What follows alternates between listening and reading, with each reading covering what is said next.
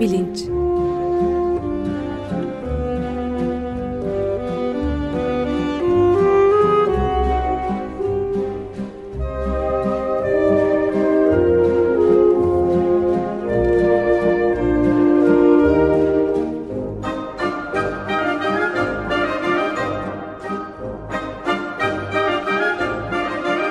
Güven Güzeldere ile bilim ve felsefe sohbetleri. Günaydın Güven Bey, merhabalar. Günaydın Ömer Bey. Evet, bugün e, Can yok kayıtta e, ama sesini duyma fırsatımız olacak. E, bugünkü konumuzu da siz anlatır mısınız? Tabii benim aslında bugün için aklımda e, sosyal psikoloji ve biyoloji ile ilgili bambaşka bir konu vardı. Fakat geçen hafta e, Açık Gazete tatildeyken Anayasa Mahkemesi geçen hafta boyunca çok konuşulan bir e, kararı beyan etti. E, evet. Açık e, Radyo'da da gerçi konuşuldu. Hukuk güvenliği programı geçen hafta buna ayrılmıştı filan. Evet. E, bu barış için akademisyenler davası ile ilgili bir hak ihlal kararı var.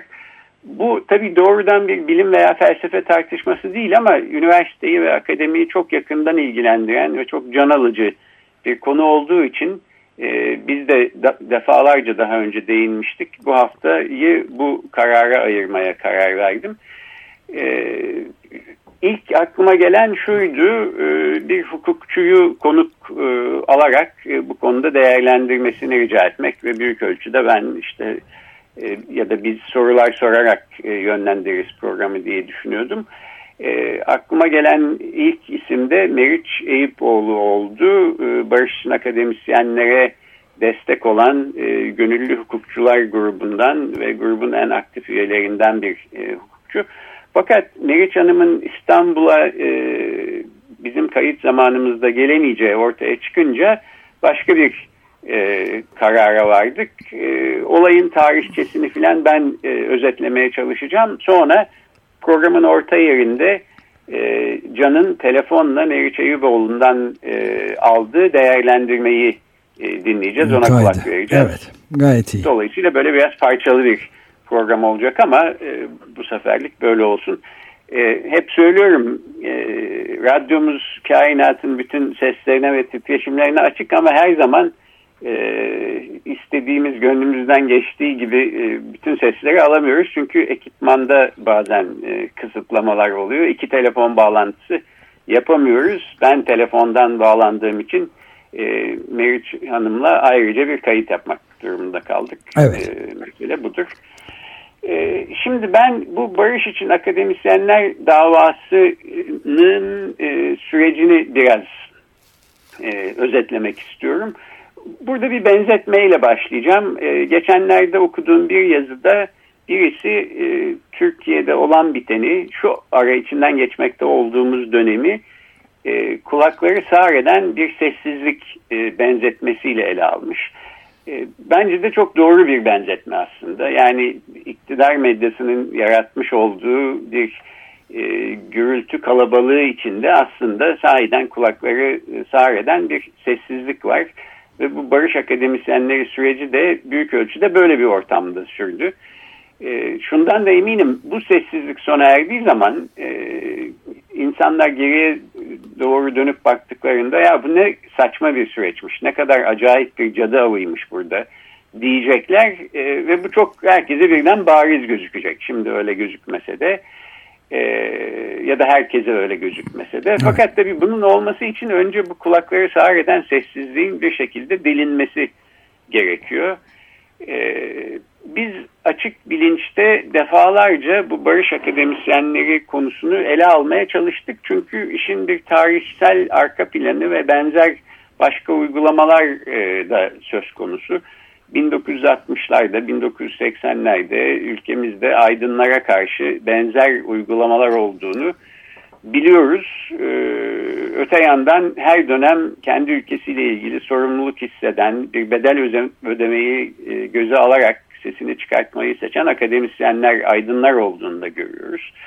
Ee, Türkiye'nin en e, yetkin e, akademisyenlerinden e, mesela Profesör Cem Erol 1960'lardaki süreci anlatmıştı. Ardından e, Profesör Reşit Can Beyli ve Gencay Gürsoy 1980'ler sonrası dönemi anlattılar.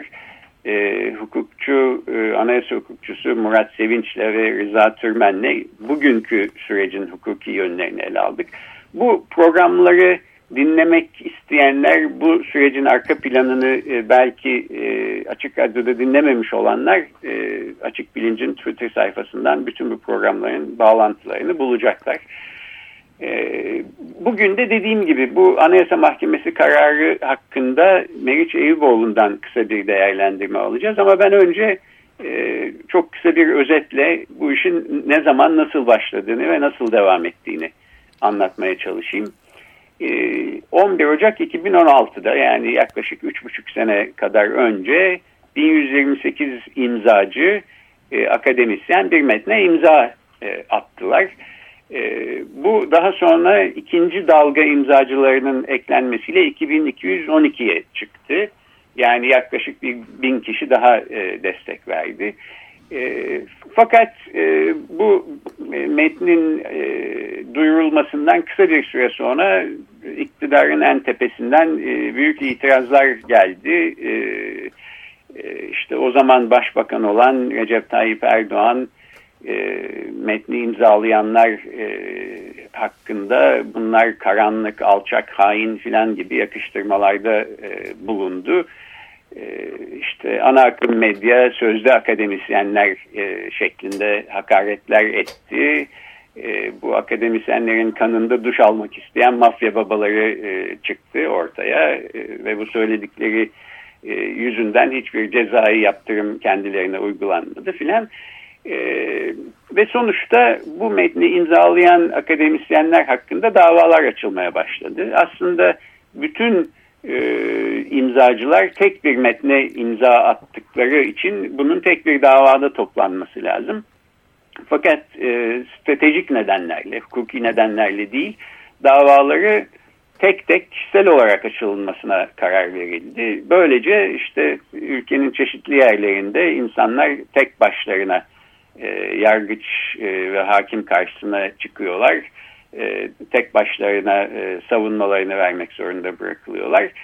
E, şimdiye kadar 785 dava açılmış e, çoğunluğu yurt dışında çalışan öğretim üyelerinden oluşan diğer akademisyenler e, henüz hakim karşısına çıkmamış durumda. Yani bir kısım akademisyen e, henüz e, bir dava için bir savcı karşısına çıkmamış durumda.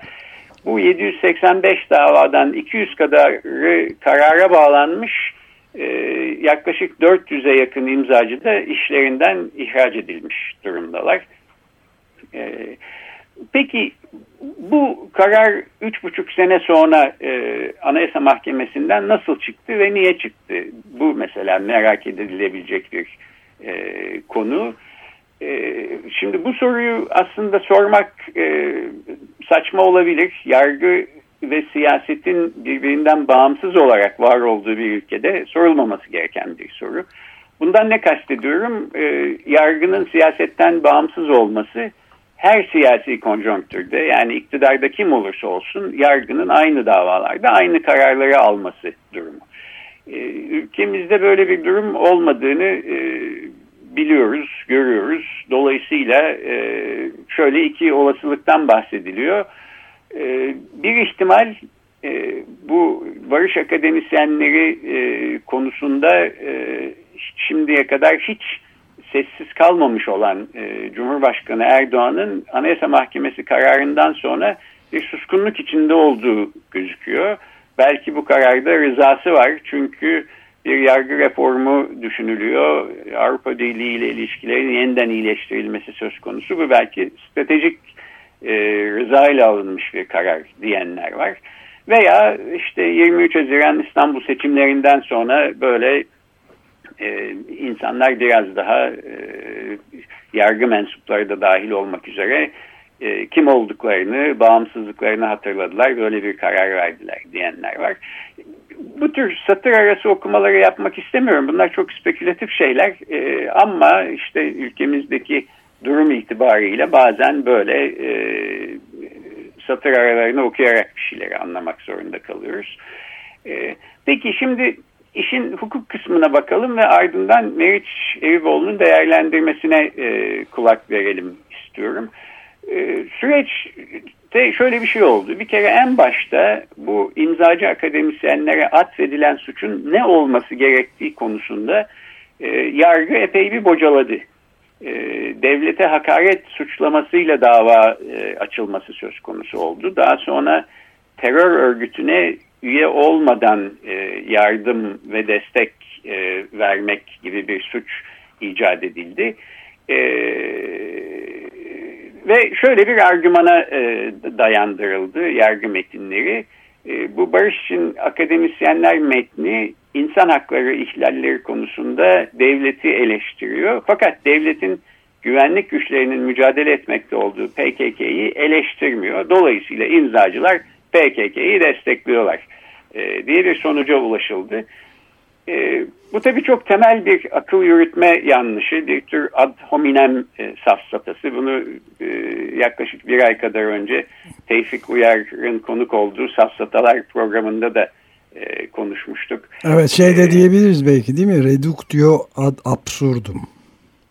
E, oraya varan bir hali de var. Evet yani böyle bir temel akıl yürütme yanlışıyla e, işte insanları işlerinden etmek, hapse atmaya çalışmak filan e, sahiden e, yargımız için çok e, acınacak bir durum. Bu arada parantez içinde müsaadenizle bir şey daha söylemek istiyorum. Türkiye'de e, biliyorsunuz e, PKK diye telaffuz edenlerle PKK diye telaffuz edenler arasında bir siyasi duruş farkı olduğu varsayılıyor. Benim e, PKK demememin, PKK dememin tek nedeni Türkçe'ye özenle ilgili. Ee, bu konuda özellikle K ve H harflerinin çok mağdur olduğunu düşünüyorum. İşte kimileri CHP diyor, kimileri CHP diyor, kimileri AKP diyor, AKP diyeni pek görmedim ama K ve H harfleri bazen K, bazen K, bazen H, bazen H, bazen H falan gibi ne idüğü belirsiz bir karmaşa içinde e, ve bence mesela ayrı yazılması gereken D'yi birleşik yazmaktaki gibi bir özensizlikle e, kullanılıyor. Ben bir tek e, Türkçe'ye özen gösterilmesi gerektiğini e, düşünerek ve K'nin K, H'nin de H olarak telaffuz edilmesi gerektiğini düşündüğümden böyle söylüyorum. Bunu parantez içinde söylemiş olayım. E, beni epey rahatsız eden bir Türkçe e, meselesi zaten epey zamandan beri. Ee, şimdi Meriç Hanım'ın değerlendirmesine gitmeden önce biraz da e, kişisel bir şeyler söylemek istiyorum. Ben bu Barış Akademisyenleri konusunda kendimle ilgili hiçbir şey söylemedim. Çünkü açık bilincin kişisel bir yanı olmaması gerektiği kanaatindeyim. Öte yandan ben de bir barış imzacısıyım. Bu metnin altında benim de imzam var. Ee, dinleyiciler mazur görsünler. Biraz içeriden bakmak babından ve bana sıkça sorulan soruları da aslında cevaplamak açısından Meriç Hanım'ı da konuk edemediğimiz için, iş biraz başa düştüğü için e, bir iki bir şey söylemek istiyorum. Bunlar tabii e, diğer imzacılar adına söylediğim şeyler değil. Tamamıyla kendi görüşüm. Bunu da söylemiş olayım. E, iktidar medyası şöyle bir hava yarattı. 1128 kişi biz bir araya geldik ülkemize nasıl bir kötülük yapalım, nasıl hakaret edelim, ne yazalım da des terörü destekleyelim diye düşündük, taşındık, bir metin kaleme aldık. E, ve bu metin böylece ortaya çıktı. E, onların hikayesi böyle. Halbuki bir an bile düşünen herkes bunun ne kadar akıl dışı ve saçma bir senaryo olduğunu hemen görebilir. Ee, üstelik şunu da söyleyeyim yani bırakın 1128 kişiyi iki gerçek akademisyenin bile tek bir cümle üstünde bütünüyle hemfikir olması için saatlerce tartışması falan gerekir. Çünkü işimiz itibariyle zaten düşünceleri kıyaslayan, birbiriyle mukayese eden, işte birini ötekine savunan e, insanlarız. E, bu kadar çok insanın e, böyle hassas ve netaneli bir konuda uzun bir metne imza atmasının e, sebebi neydi? Buradan e, başlamak istiyorum. Çünkü o zamanlarda yani 2016'nın hemen öncesinde ülkemizde sürmekte olan çok can yakıcı bir durum vardı. Bunu hatırlayalım. e, herkeste bir ses çıkartmak, bir karşı çıkmak ihtiyacı vicdani bir borç olarak tezahür etti. E, bu güvenlik politikaları adı altında devam eden süreçte Güneydoğu'da sokakta vurulan, bedeni bir hafta boyunca sokakta kalan, kurda kuşa yem olan ya da cenazelerini kaldıramadıkları için çocuklarının bedenlerini derin dondurucuda saklamak zorunda kalan ailelerin e, haberlerini hep e, okuyorduk. Bunlar benim ağrıma giden şeyler ve insanı haklı olarak isyan ettiren e, insan hakları ihlalleri resmi bir savaşta bile iki ülke arasında olmaması gereken şeyler. Ben ülkem böyle şeylerin yaşandığı bir ülke olmasın istiyorum. Ee, imzaladığım metin de tam aslında bu isyan hissini yansıtıyordu. Başlığını yeniden hatırlayalım. Biz bu suça ortak olmayacağız e, diyorduk. E, peki çok sorulan bir e, soruyla bu kısmı bitireyim. Metinde niçin hiç PKK eleştirisi yok? E, bunun da aslında çok basit bir cevabı var. Bu metin bir siyasi durum değerlendirmesi yapmıyor. Ee, yalnızca biz Türkiye Cumhuriyeti vatandaşlarının kendilerine muhatap aldıkları yani vatandaşı oldukları devleti e, bir protesto e, beyanıyla e, ikaz e, ediyor. Metinde PKK'nın adının geçmemesi imzacıların e, PKK eylemlerini desteklediğini elbette göstermiyor. Hatta ben kendi görüşümü de ekleyeyim. Ee, PKK terör örgütlerini benimsemekten kaçınmayan bir örgüt. Ee, şehirlerde bombalar patladığında, rastgele masum insanlar öldüğünde bunun elbette hiçbir mazereti olmaz. Mazur görülecek tarafı olamaz. Burada en ufak bir muğlaklığa yer bırakmayacak bir duruş var diye düşünüyorum. Diğer imzacılar benim görüşüme katılır veya katılmaz. Asıl önemli olan soru e, kısım şu ama bu suça ortak olmayacağız metninde neresinden bakarsanız bakın ne kadar çekiştirirseniz çekiştirin PKK'yı veya terör eylemlerini haklı veya mazur gösteren zerre kadar bir taraf yok. Ee, bunu unutmamak lazım. Ama ne var? Metinde iktidarın herkesten ve üniversitelere tayin ettikleri memurlar gibi gördükleri akademisyenlerden beklediği türde bir devlete koşulsuz sadakat durumu yok.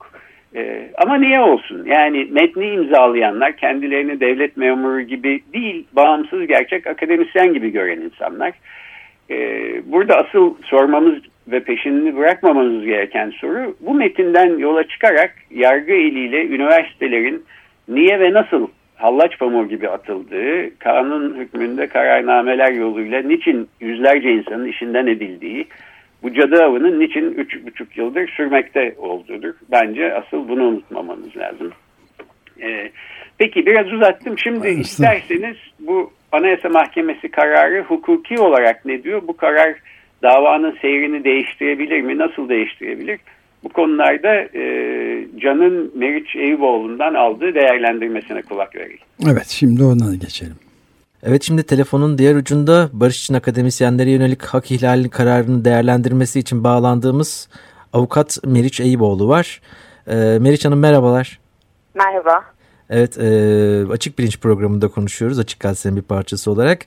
E, sormak istediğimiz bir soru var. Anayasa Mahkemesi'nin Barış akademisyenlerine yönelik verdiği hak ihlali kararını nasıl değerlendiriyorsunuz? Ya da biraz daha spesifik sormak gerekirse öncelikle şu soruyu sormak istiyoruz. Kararın gerekçesi ne diyor ve niçin önemli bir karar bu? Hı hı. Ee, ilk saptama olarak şunu söylemek lazım galiba. Anayasa Mahkemesi bu kararında daha önceki kararlarında olmayan yeni hiçbir şey söylemiyor.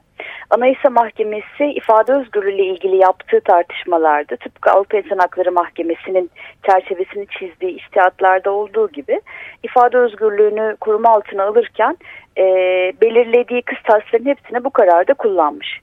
Bu yönüyle e, önceki kararlarını tekrar ettiğini söyleyebiliriz. Bu önemli bir e, saptama, e, bunu altını çizmek isterim. Zira Anayasa Mahkemesi kendi içtihatlarına sahip çıkmayan bir performans gösteriyordu uzun zamandır. Biz kimi kararlarında e, bu içtihatlara, bu e, çerçeveye e, yer verdiğini, değindiğini görsek de pek çok kararı e, hukukçular tarafından, bütün kamuoyu tarafından e, yaylım ateşine tutulmuştu ve e, eleştiriliyordu bildiğimiz, hatırladığımız gibi. E, dolayısıyla bu kendisinin de e, oluşmasında katkıda bulunduğu çerçeveye tekrar sahip çıkıyor olması bizim için kıymetliydi. Evet. Kıymetli ifade özgürlüğünün koruma alanı açısından bunu söylemek isterim. E, yeni bir şey söylemedi. Bu çok büyük bir yaygara koparılıyor bir kısım basın tarafından. E, yeni bir şey söylemedi. Oysa e, iktidar yanlısı e, iktidarı destekleyen e, basın kuruluşlarında büyük bir yaygara koparıldı, koparılıyor. Televizyon kanallarında, gazetelerde e, ve sosyal medyada e, Anayasa Mahkemesi bu kararı verenler yaylım ateşine tutuldu. Yeni bir şey söylemediği vurgusunu bu yüzden de kıymetli buluyorum. Dediğim gibi e, hukuki çerçevesi bütünüyle önceki kararlarda oluşturulan çerçeve. E, bu yönüyle akademisyenlere yönelik yeni bir şey olmadığını bu yönüyle de e, ifade etmek gerekir. Peki ne söyledi? E, bir bu suç ortak olmayacağız başlıklı metinde yer alan ifadelerin 7 paragraftan oluşuyor. E, yer alan ifadelerin ifade özgürlüğü koruması altında olması gerektiğini söyledi. E, mahkemeler tarafından verilen ceza kararlarının ifade özgürlüğünü ihlal ettiğini, e, yerinde ve haklı olmadığını söyledi. E, söz konusu olan metindeki eleştirilerin e, siyasetçilere, hükümete, siyasi iktidara yönelik olduğunu ve siyasetçilere yönelik eleştiriler konusunda e, siyasetçilerin kendilerini savunmak için başka imkanlara sahip olduğu da düşünüldüğünde e, geniş çok daha geniş bakılması gerektiğini, ifade özgürlüğünün koruma marjının bu yönüyle çok daha geniş olduğunu, yani herhangi bir vatandaşa sıradan bir kişiye yönelik bir eleştiriyle siyasetçilere yönelik eleştiriler arasında böyle bir ayrım yapılması gerektiğini e, söyledi. İfade ettiğim gibi bunların hiçbirine ilk kez söylemiyor. Daha önceki kararlarını da oluşturduğu bir çerçeve. Evet. Yine yargılama sırasında e, mahkemelerin ceza verirken gerekçe olarak kullandığı kimi ibareler vardı. Bunları eleştiri olarak göremeyeceğini iddia ediyordu mahkemeler. İşte bu ibarelerinde yine e, sadece ifade özgürlüğü çerçevesinde ele alınması gereken ifadeler olduğunu söyledi. Neyi söylemedi ya da hangi konuda mesafesi vardı onu da eklemek lazım tabii. E, mahkeme e, kamuoyunda yaratılan bu e, büyük herhalde baskı ortamının da etkisiyle kararını 26 Temmuz'da açıkladı ama gerekçeli kararı daha sonra yayınlandı malum. İşte o arada e, yaylım ateşine tutulduğu için sanıyorum onun yarattığı basınçla e, kararı 40, 40 sayfadan oluşuyor gerekçeli kararı ama kendi web sitesinde iki sayfalık bir basın e, duyurusuyla kararın duyurdu. Bu da olağan ve sıradan bir uygulama. Anayasa Mahkemesi verdiği kararlara ilişkin kısa açıklama notları, basın açıklamaları yayınlıyor, web sitesine koy, evet. koyuyor. Gerekçeli karar yayınlanıncaya kadar da öyle haberdar oluyoruz. Hı. Bu sefer nasıl bir fark vardı? Şöyle bir fark vardı. 40 sayfanın bütününde sadece 3 paragrafta e, metnin kendisine yönelik e, e, ibarelere katılmadığını, bu konuda taraf olmadığını, hiç de gerekli olmadığı halde bir hukuk metninde belirtilen, belirten cümleler kurmuş. E, basın açıklamasının iki sayfalık basın açıklaması metninde dediğim gibi 40 sayfada sadece 3 paragrafta bundan söz ettiği halde iki sayfalık basın açıklaması metninde bunun çok yoğun olarak yer aldığını, ağırlıklı olarak bu e, mesajı verdiğini görüyoruz Anayasa Mahkemesi'nin. Bu da aslında karşı karşıya kaldı basıncı herhalde bize gösteriyor ki e, iki sayfalık açıklamada uzun uzun bu suça ortak olmayacağız metniyle arasındaki mesafeye aslında nasıl da eleştirel bir dille baktığını, metne nasıl da katılmadığını anlatma gereği duymasını. Evet. Bu içinde yaşadığımız e, siyasal atmosfere ilişkin tabii ki e, bir çıkarımda yapmamıza yol açıyor. E, mahkemeyi de Anayasa Mahkemesi üyelerinde böyle bir baskı altına alıyor belli ki e, siyaset siyasi iktidarın bu tutumu evet. ve yandaş medyanın bu tutumu böyle bir açıklama yapmak zorunda bırakıyor ne kadar mesafeli olursa olsun e, içinden geçtiğimiz politik konjonktürde e, bu kadar yoğun bir politik baskı da varken e, bu metni imzaladığı için akademisyenler bu kadar büyük hak ihlallerine uğramışken bu metni imzalamanın suç olmadığını saptamak kıymetli bir tespit. Bunu teslim etmek lazım. Ama Anayasa Mahkemesi'nin e, görevini yerine getirdi ve artık e, işi bitti diyemeyiz. Anayasa Mahkemesi'nin önemli bir misyonu var. Bizimki gibi e, hak ihlalleri konusunda e, sabıkası bozuk ülkelerde Anayasa Mahkemesi asıl görevine sahip çıkmalı ve e, korkmadan ve titremeden tereddütsüz bir biçimde hak ihlallerinde e, böyle kararlar vermeli. E, geride bıraktığımız kısa süre içinde birbiriyle çelişen e, çok e, olumsuz kötü kararlar verdi. Bunları unutmadan değerlendiriyoruz bu kararı. Bundan sonrası için umutlu olmak istiyoruz ama istikrara çağırıyoruz Anayasa Mahkemesi'ni. Bu vesileyle söylemiş olayım. Evet Meriç Hanım bir de şey sormak istiyorum. Bunlardan ilk akla gelenlerden biri. Bizi hayal kırıklığına uğratan kararlardan biriydi. Geçerken onu da söylemiş olayım. Teşekkürler. Ee, bu karar peki davanın seyrini değiştirebilecek bir noktada mı? Yani ne şekilde değiştirebilir eğer değiştirebilirse de? Öyle olması gerekir. Yine beklentimiz bu yönde. Adli tatildeyiz bilindiği üzere. Eylül'den itibaren yani duruşmalar başladıktan sonra uygulamayı göreceğiz. Ama teorik olarak daha doğrusu yasal e, olarak bakarsak Anayasa Mahkemesi'nin kararı herkesi e, hükümeti de yargıyı da bağlıyor. Dolayısıyla Anayasa Mahkemesi'nin ihlal tespiti sonrasında bu ağır ceza mahkemelerinde süren davaların sona ermesi ve derhal beraat kararları vermesi gerekir. Devam eden davalar için 800'e yakın dava ile karşı karşıyayız.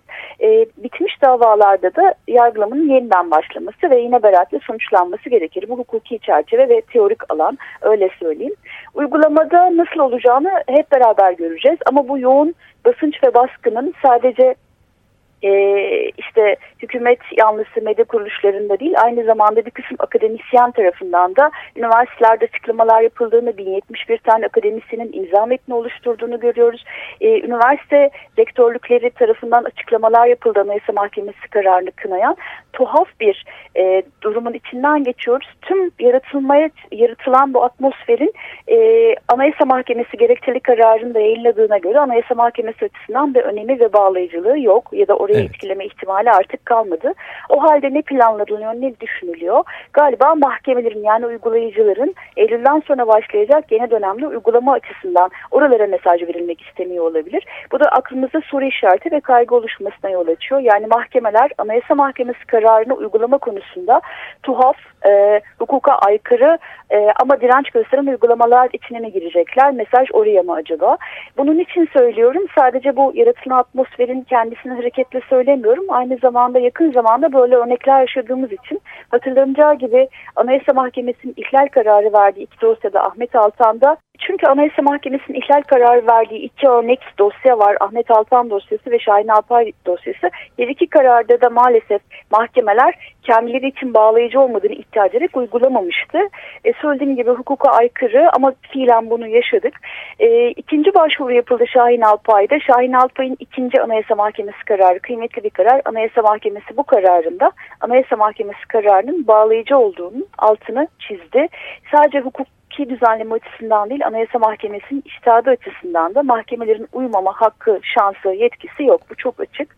E, dileyelim ki bu noktada hayal kırıklığına uğramayalım. Hukuka uygun bir şekilde Eylül'de duruşmalar başladığı zaman ardı ardına olması gerektiği gibi beraat kararlarının verildiğine e, tanıklık edelim. Evet. Ama dediğim gibi bir soru işareti kafamızın bir tarafında var tabii ki uygulamanın nasıl şekilleneceğine ilişkin. Bakalım bu mücadele nereye kadar sürecek hep beraber göreceğiz. Son cümle olarak da şunu söylemek istiyorum. Anayasa Mahkemesi'nin kararı sadece ceza mahkemelerinin sonlanması değil, e, ihraçların ve diğer hak ihlallerinin ortadan kalkması için de e, bize yol açacak, ufuk açacak. Bu konuda da bu hukuk aykırılığında bir an önce ortadan kalkması lazım. E, bununla ilgili ayrıntılar herhalde bir başka zamanki konuşmanın konusu olur artık. Evet, çok teşekkür ederiz Meriç Hanım. Ben teşekkür ediyorum. İyi yayınlar diliyorum. Sağ olun. E, hukukçu Meriç Eyüboğlu'yla yaptığımız bu program çerçevesinde Can Tombil'in e, sorduğu sorulara verdiği cevaplarla bir durum değerlendirmesine yer verdik. Evet, e, nasıl bitiriyoruz e, Güven Bey? E, ben şöyle toparlayayım.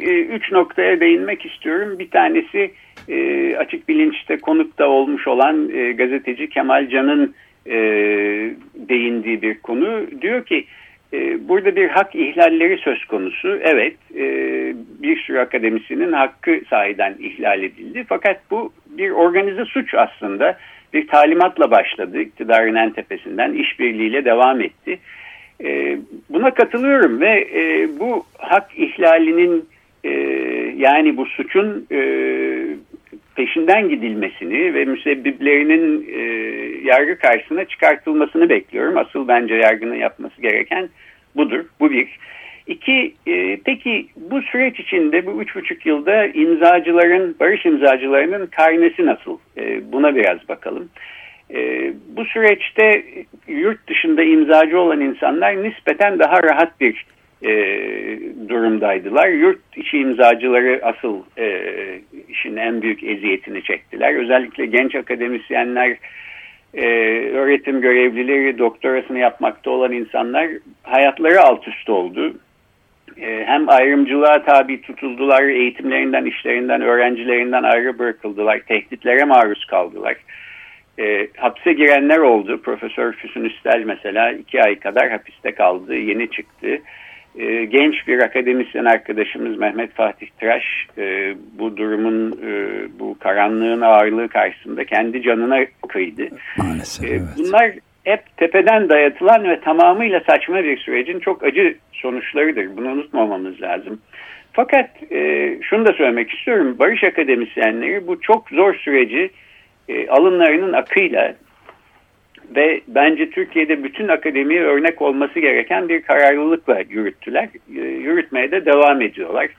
E, iktidardan mesela imzaların geri çekilmesi yönünde büyük bir baskı geldi. İmzalarını geri çekenler işte işlerinden olmayacak, muaf tutulacak falan dendi.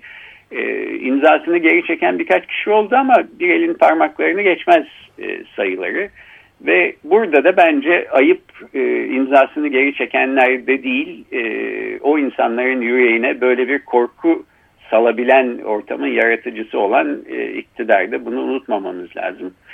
E, bir de ikinci dalga imzacılar var. E, metni e, ilk imzacıların arasında olmayan ama metni görmedikleri için olmayan sonra ikinci dalga imzacılara katılanlar. Fakat belki bu metni imzalamak istemeyecek olan insanlar da e, bir dayanışma örneği göstererek e, ikinci dalgaya katıldılar ve metni imzaladılar bütün e, baskılara karşın. Bu da aslında çok e, önemli bir nokta diye düşünüyorum.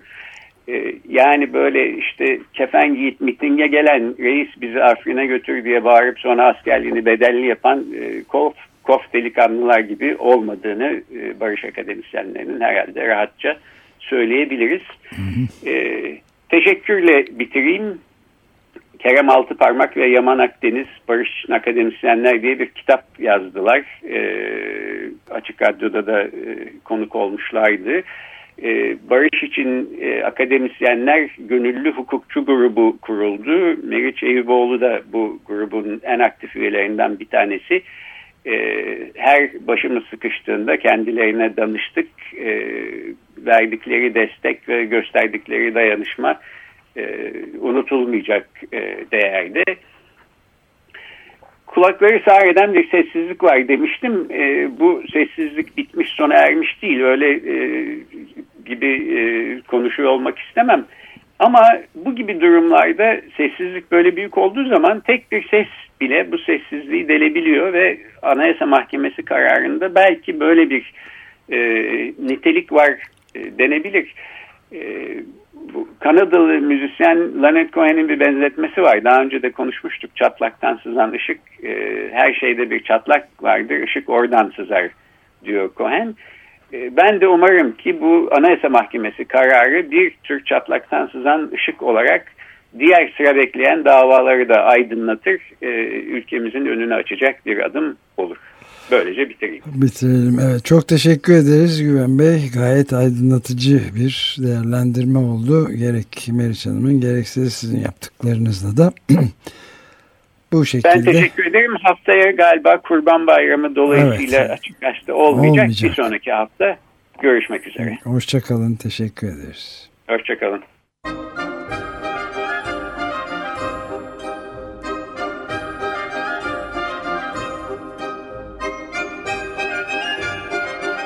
Açık Bilinç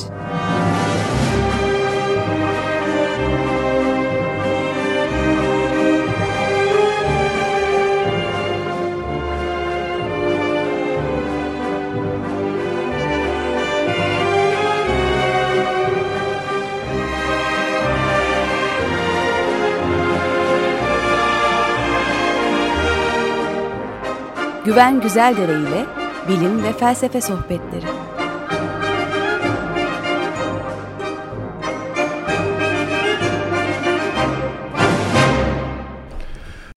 Açık Radyo program destekçisi olun. Bir veya daha fazla programa destek olmak için 212 alan koduyla 343 41 41